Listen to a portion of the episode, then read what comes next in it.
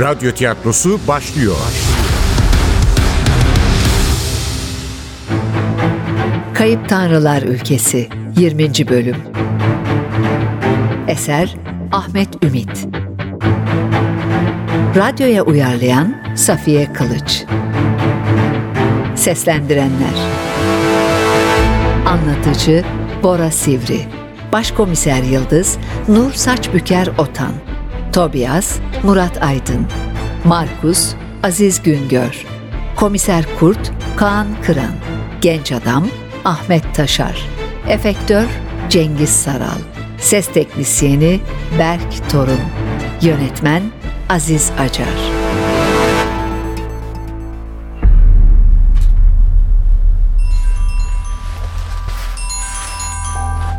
Alo, Alo? buyurun müdürüm. Alo Yıldız? Bir cinayet daha işlendi. Orhan Ölmez'in cesedi bulundu. Bir an kavrayamadı Yıldız. Neden bahsediyordu? Cemal'in dedesi kayıptı ya.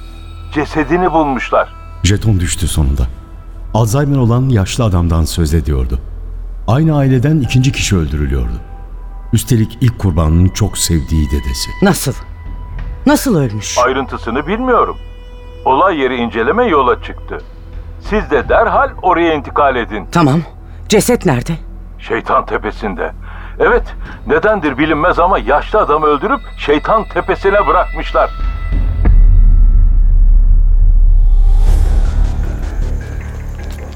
Yaz rüzgarı taze ot kokuları getiriyordu bir yerlerden. Uzun boylu ağaçlar kendi lisanlarınca bir gizemi fısıldar gibi usulca eğiliyordu mavi gökyüzünün altında. Ama koku yoğunlaştı, ağırlaştı, bozulmaya başladı. Güneşte kavrulmuş bir çiçek mi, suda eriyen yapraklar mı? Hayır, daha da kötüydü. Çürümüş etin mide bulandıran kokusu. Hayatı sona ermiş bir canlıdan geriye kalanların toprağa karışmadan önceki halinin kokusu. Yaklaştık galiba. Korkunç. Korkunç bir şey bu. Hiç kimse bu kadar aşağılanmayı hak etmez. Hiç kimseye bu yapılmaz. Vahşice parçalamışlar zavallıyı. Ağaçların seyrekleştiği açıklıkta derin bir çukurun başında duruyordu kurt. Hayır. İnsan olan bunu yapamaz. İstese de yapamaz. Kimse bu kadar vicdansız olamaz. Ne olmuş kurta böyle? Tepesinin tası atmış. Onu ilk kez böyle görüyorum şef. Şef de onu ilk kez böyle görüyordu. Adımlarını hızlandırdı. Birkaç metre sonra çukurun başındaydı. Kurban atıldığı çukurdan çıkarılmış, öylece bırakılmıştı yeşil çimenlerin üzerine. Ceset çıplaktı. Cinsel organı kesilmiş, çelimsiz gövdesi tümüyle çamura bulanmıştı. Nedense sadece yüzü temiz kalmıştı. Aklına Kerem geldi. Bedeni parçalanmış kurbanın kendini Kronos zanneden oğlu. Kronos da babası Uranus'un cinsel organını kesmemiş miydi? Ne yani? Bu canavarlığı yapan ihtiyarın öz oğlu muydu? Eğer öyleyse Cemal'i de o öldürmüş demekti. Hem babasını hem oğlunu mu? Adam gerçekten de akıl hastasıysa neden olmasın? Ama Kerem'in hasta olduğunu sadece Haluk'tan duymuşlardı. Ya arkeolog yalan söylüyorsa? Niye söylesin? Niye olacak? Düşmanları olduğu için. Belki de katil Haluk'tur. Zihninden bunlar geçerken birkaç adım daha yaklaştı cesede. Koku dayanılmaz bir hal almıştı. Kurbanın yüzünü yakından görmek istiyordu. Kurt da onu fark etmişti. Gel Yıldız gel. Korkunç. Hiç böyle bir şey görmedim hayatımda. Hunharca kesmişler zavallıyı. Hem de ölümün eşiğindeki bir adamı. Dikkati dağılan Yıldız, olay yeri inceleme komiserinin hezeyanlarını dinleyecek halde değildi. Sağ elinin işaret parmağını havaya kaldırdı. Bir saniye kurt. Cesedin başına gelince dizlerinin üzerine çöktü. Adamın bal mumu rengindeki acıyla çarpılmış yüzüne baktı. İlk aklına gelen düşünce oğluna, Kerem'e ne kadar benzediğiydi. Yer yer çamur bulaşan dalgalı saçları daha beyazdı. Alnındaki çizgileri biraz daha derindi. Gözleri de daha açık renkti. Kahverengi. E neredeyse Ela. Ne kadar solgun görüyor musun? Yüzündeki şu acıya bak. Belki de öz oğlunu elinde bıçakla karşısında görünce dehşete kapılmıştı. Tabii oğlunu tanıdıysa. Unutmamak gerekirdi ki kurban Alzheimer'dı. Bir heykele benziyor. Çamurdan yapılmış, yaşlı bir ölünün heykeline. Uranos muydu? Zeus'un dedesinin adı. Evet, Uranos'un heykele dönüşmüş yaralı bedeni. Ama bu heykel değil. Bir insan. Hem de katilin o ölmeden önce acımasızca kesmiş olduğu yaşlı bir insan. Üstelik adamın cinsel organı da kayıp. Sen de karşıma geçmiş bana heykelden bahsediyorsun. Meslektaşını suçlar gibi konuşuyordu. Gerçekten çok etkilenmişti bu olaydan. Oysa Cemal'in ölümü daha çarpıcıydı, daha sarsıcı. Hatırladı Yıldız. Kurt'un babası Fritz hastanedeydi. Hem de uzun yıllar. Hastalığını söylemişti ama şimdi hatırlamıyordu. Muhtemelen Alzheimer'dı ya da Parkinson. Ağır ağır ölmekte olan babasıyla ceset arasında benzerlik kurmuş olmalıydı. Çöktüğü yerden başını kaldırıp kurta baktı. Gergin değil, kaygılıydı. Derin bir endişe duyuyordu. Neredeyse paniğe kapılacaktı. Olay yeri incelemenin başındaki birinin vakayı bu kadar şahsileştirmesi hiç iyi değildi. Hala umutsuzca konuşmayı sürdürüyordu beyaz tulumun içindeki komiser. Çok tehlikeli bir katil var karşımızda Yıldız. Bir önceki kurbanı öldüren kişiyle bu vahşeti yapan canavar aynı şahıs. Korkarım devam edecek. Hiç durmayacak. Bunu söylemek için erken kurt. Otopsi sonuçlarını beklemekte yarar var. Erken mi? Ya şuna ne diyeceksin? Kurtun işaret ettiği yöne baktılar. Gümrah bir kestane ağacının koyu kahverengi gövdesinden başka bir şey yoktu önlerinde. Ne? Neden bahsediyorsun kurt? Ne var ağacın gövdesinde? Ağacın gövdesinden değil, önündeki kartaldan bahsediyorum. Görmüyor musunuz? Bak, bakın işte orada. Ağacın çatallandığı yerin hemen altında. Dikkatle bakınca gördü Yıldız. Yere saplanmış metal bir asa duruyordu ileride. Oraya doğru yürüdü.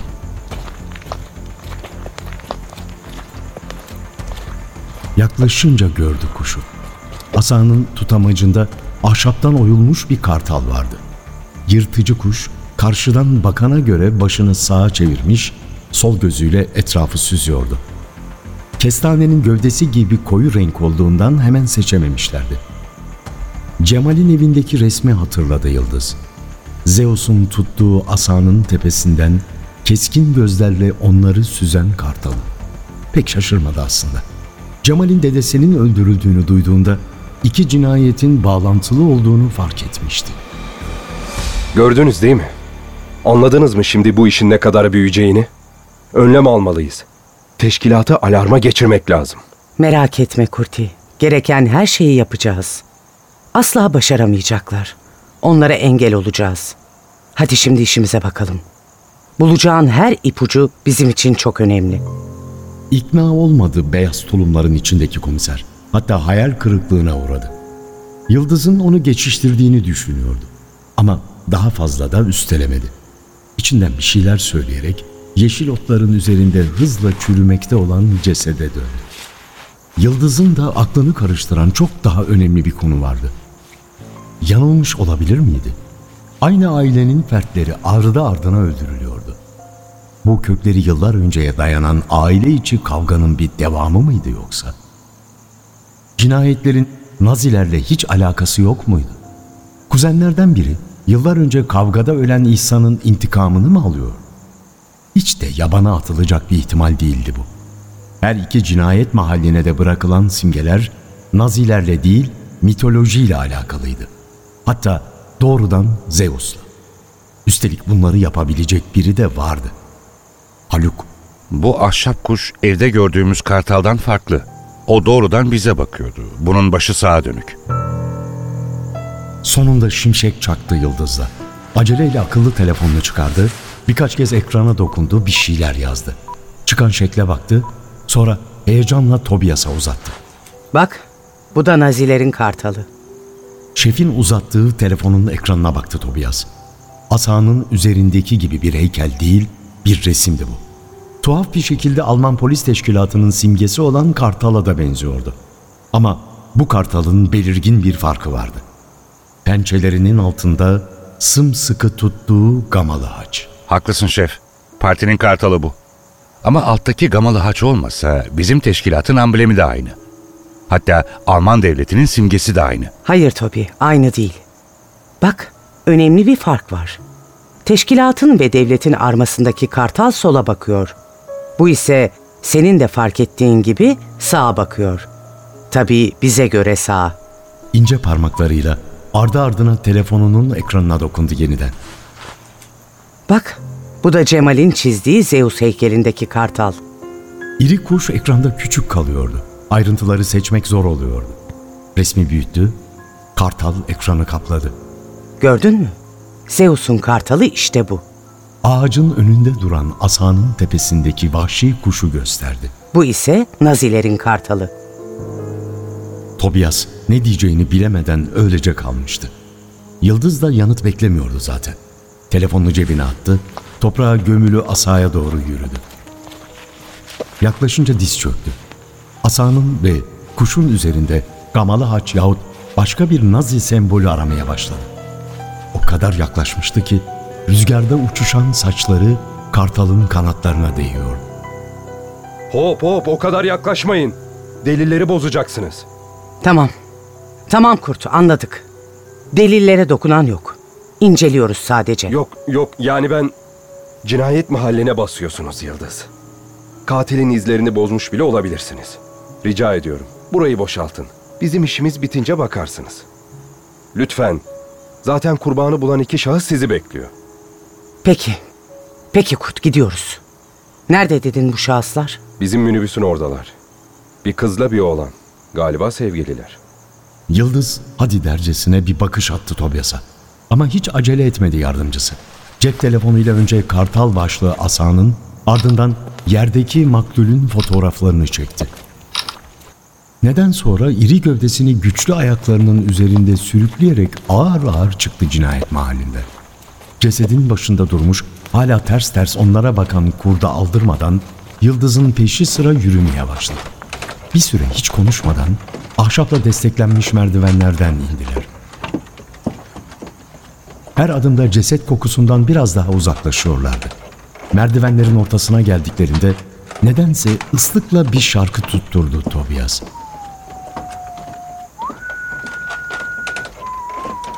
Bu melodiyi daha önce duymuştu Yıldız ama hatırlayamadı.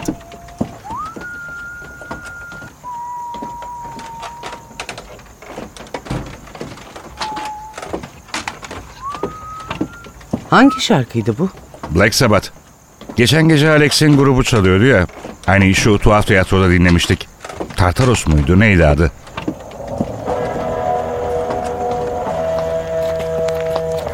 Ateşten gözleri olan iri kara bir silüet. İnsanlara isteklerini söylüyor. Şeytan orada duruyor ve gülümsüyor. Bravo şef. Evet tam olarak böyle söylüyordu. Şeytan orada duruyor ve gülümsüyor. Yok yok. O kadar da rastlantı olur artık. Neymiş o rastlantı? Bulunduğumuz yer Toby. Burası Şeytan Tepesi. Sen ıslıkla bir şarkı çalıyorsun.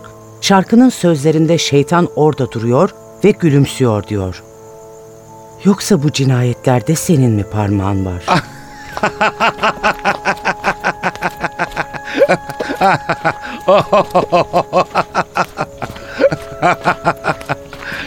evet. Asıl katil benim. İçimdeki vahşi metalci bu zavallı insanları öldür dedi. ben de ilginçlik olsun diye mitolojiyle süsleyerek işliyorum cinayetlerimi. Meslekte edindiğim tecrübe de çok yardım ediyor bana. Rastlantı falan değil şef.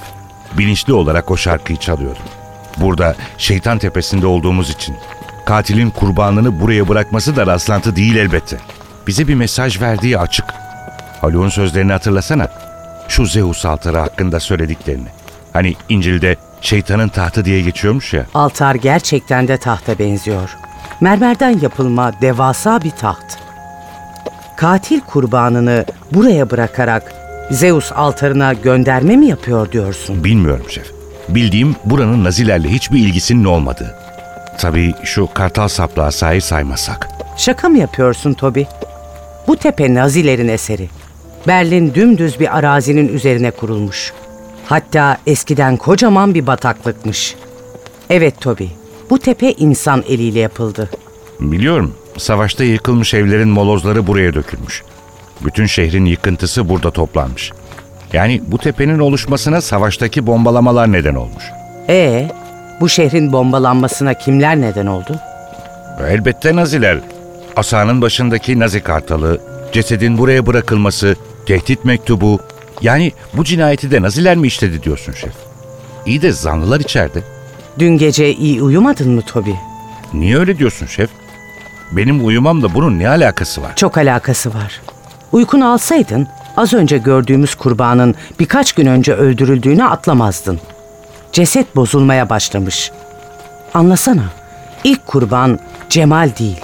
Bu zavallı ihtiyardı. Haklısın şef. Uykusuzluktan değil.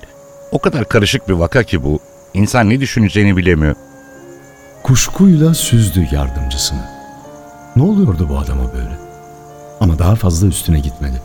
Sadece kendi fikrini bir kez daha yüksek sesle yinelemek gereği duydu. Nazilere odaklanmamız gerek. Evet, bence bu işi onlar yaptı. Bak göreceksin. O tehdit mektubunun üzerinden de Otto denen adamın parmak izi çıkacak. Korkarım Kurt'un söylediği gibi olacak. Bu cinayetler durmayacak.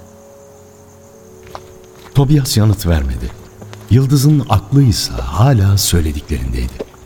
Sözlerinin doğruluğundan eminmiş gibi görünse de biliyordu ki bu varsayımda eksik bir şeyler vardı. Ellerindeki bütün bulgulara rağmen cinayetlerin Nazilerin işi olduğunu henüz kanıtlayamamışlardı. Evet, Naziler hala baş şüpheliydiler. Evet, geçmişte bunlardan çok daha korkunç cinayetler işlemişlerdi. Şüphesiz yine işlerlerdi. Ama cinayetlerin bu kadar sofistike olmasıyla ellerindeki neonazilerin beceriksiz adamlar olması arasında bir çelişki yok muydu? Üstelik Kerem'in bir zamanlar kendini Kronos zannettiği için hastaneye yatırılması, ardından bugün babası Orhan Ölmez'in ölü bulunması. Bu iki olay arasındaki bağlantı hiç de yabana atılacak gibi değildi. Eğer bu işi Naziler yaptıysa mitolojiyi iyi biliyor ve Ölmez ailesini çok iyi tanıyor olmalıydılar. Ama bu kadar zahmete ne gerek vardı? Ölmez ailesini ortadan kaldıracaklarsa evlerine girer öldürürler. Ya da daha önce yaptıkları gibi hepsini yakarlardı. Belki de ailenin başka bir sırrı var. Öyle ya, ırkçılar kurban olarak neden başka insanları değil de bu aileyi seçmişti? Arkeolog Haluk'un bahsettiği 9000 talentlik savaş ganimetini hatırladı. Sebep o hazine olmasındı. Saçmaladığını fark etti. Günümüze kuruş kalması bile mucizeydi. Elbette Naziler de bunu bilirdi. Ama mutlaka bir bağlantı olmalıydı. Onu bulurlarsa cinayetlerdeki gizem de çözülür. Düşünmeye ihtiyacı vardı. Daha çok düşünmeye. Bütün ihtimalleri yan yana koyup kıyaslama yapmaya. Ama ne zaman? Sahadaki olaylara çok fazla kaptırmıştı kendini. Zanlıdan zanlıya savrulup duruyorlardı. Hayır, acilen zaman ayırmalıydı. Sakince düşünmesi gerekiyor. En karmaşık vakalar katili takip ederken değil, bütün ayrıntılar tek tek incelenerek çözülürdü. Tobias'a bakarak "Sakin ol Yıldız." diye telkinde bulundu kendine. Sakin ol. Resmin tümünü görmen için düşünmen lazım. Olayların seni etkilemesine izin verme.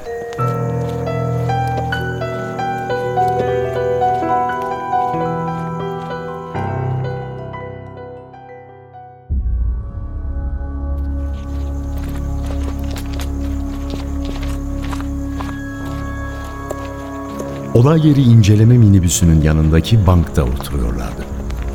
Salkım Söğüt'ün uzun dalları neredeyse omuzlarına dokunacaktı. Uzaktan hoş bir görüntüleri vardı. Ama yaklaştığınızda sıkıntıdan patlamak üzere olduklarını fark edebilirdiniz. Ayaklarının dibinde beyaz gövdesi sarı beneklerle kaplı bir seter, toprağa uzanmış sabırsızca kuyruğunu sallıyor. Tanımadığı iki kişinin yaklaştığını görür görmez fırlayıp havlamaya başladı. Sevgililerden erkek olanı köpeğin havladığı yöne baktı. Bizimkileri görünce biraz telaşlandı. Hayır, hayır Dayana. Otur, otur çabuk. Otur. Otur diyorum Dayana. Kime diyorum Dayana? Çabuk otur. Sus ve otur. İstemeye istemeye eski yerine çöktü Diana ama kanlanmış gözleri hala yaklaşmakta olan iri adamın üzerindeydi. Oturduğu yerden birkaç kez daha havladı ama sahibi hevesini kırmıştı. Sesi artık cılız çıkıyordu. Senden hoşlanmadı. Saldırmasın sonra. Biliyorum. Hiç sevmez beni köpekler. Merak etmeyin saldırgan değildir. Sıkıldı gidelim diyor. O yüzden avladı. Ya sıkıldığı için saldırırsa? Hadi Toby. Gerçekten de korkuyor musun bu tatlı şeyden? Merhaba Dayana. Ne yapıyorsun kızım? Önce yıldızı şöyle bir süzdü Diana. Sonra fazla laubali olmadan kuyruğunu dostça sallamaya başladı. Yıldız da yanına çömeldi, hayvanın başını usulcacık okşadı. Ne güzel şeysin sen.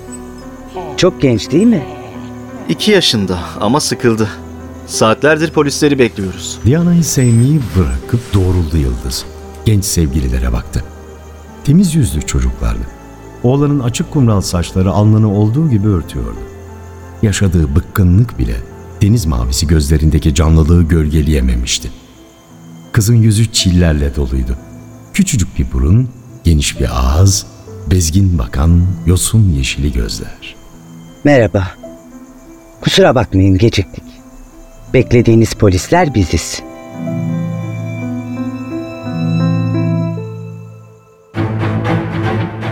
Kayıp Tanrılar Ülkesi Eser Ahmet Ümit Radyoya uyarlayan Safiye Kılıç. Seslendirenler. Anlatıcı Bora Sivri. Başkomiser Yıldız Nur Saçbüker Otan. Tobias Murat Aydın. Markus Aziz Güngör. Komiser Kurt Kaan Kıran. Genç Adam Ahmet Taşar. Efektör Cengiz Saral. Ses Teknisyeni Berk Torun. Yönetmen Aziz Acar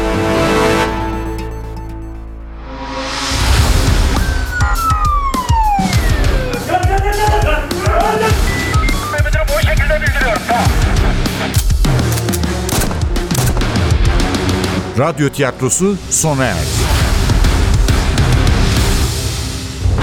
Radyo tiyatrosu her cumartesi 11.30'da NTV Radyo'da. Kaçıranlar ve tekrar dinlemek isteyenler içinse ntvradio.com.tr'deki podcast sayfamızda.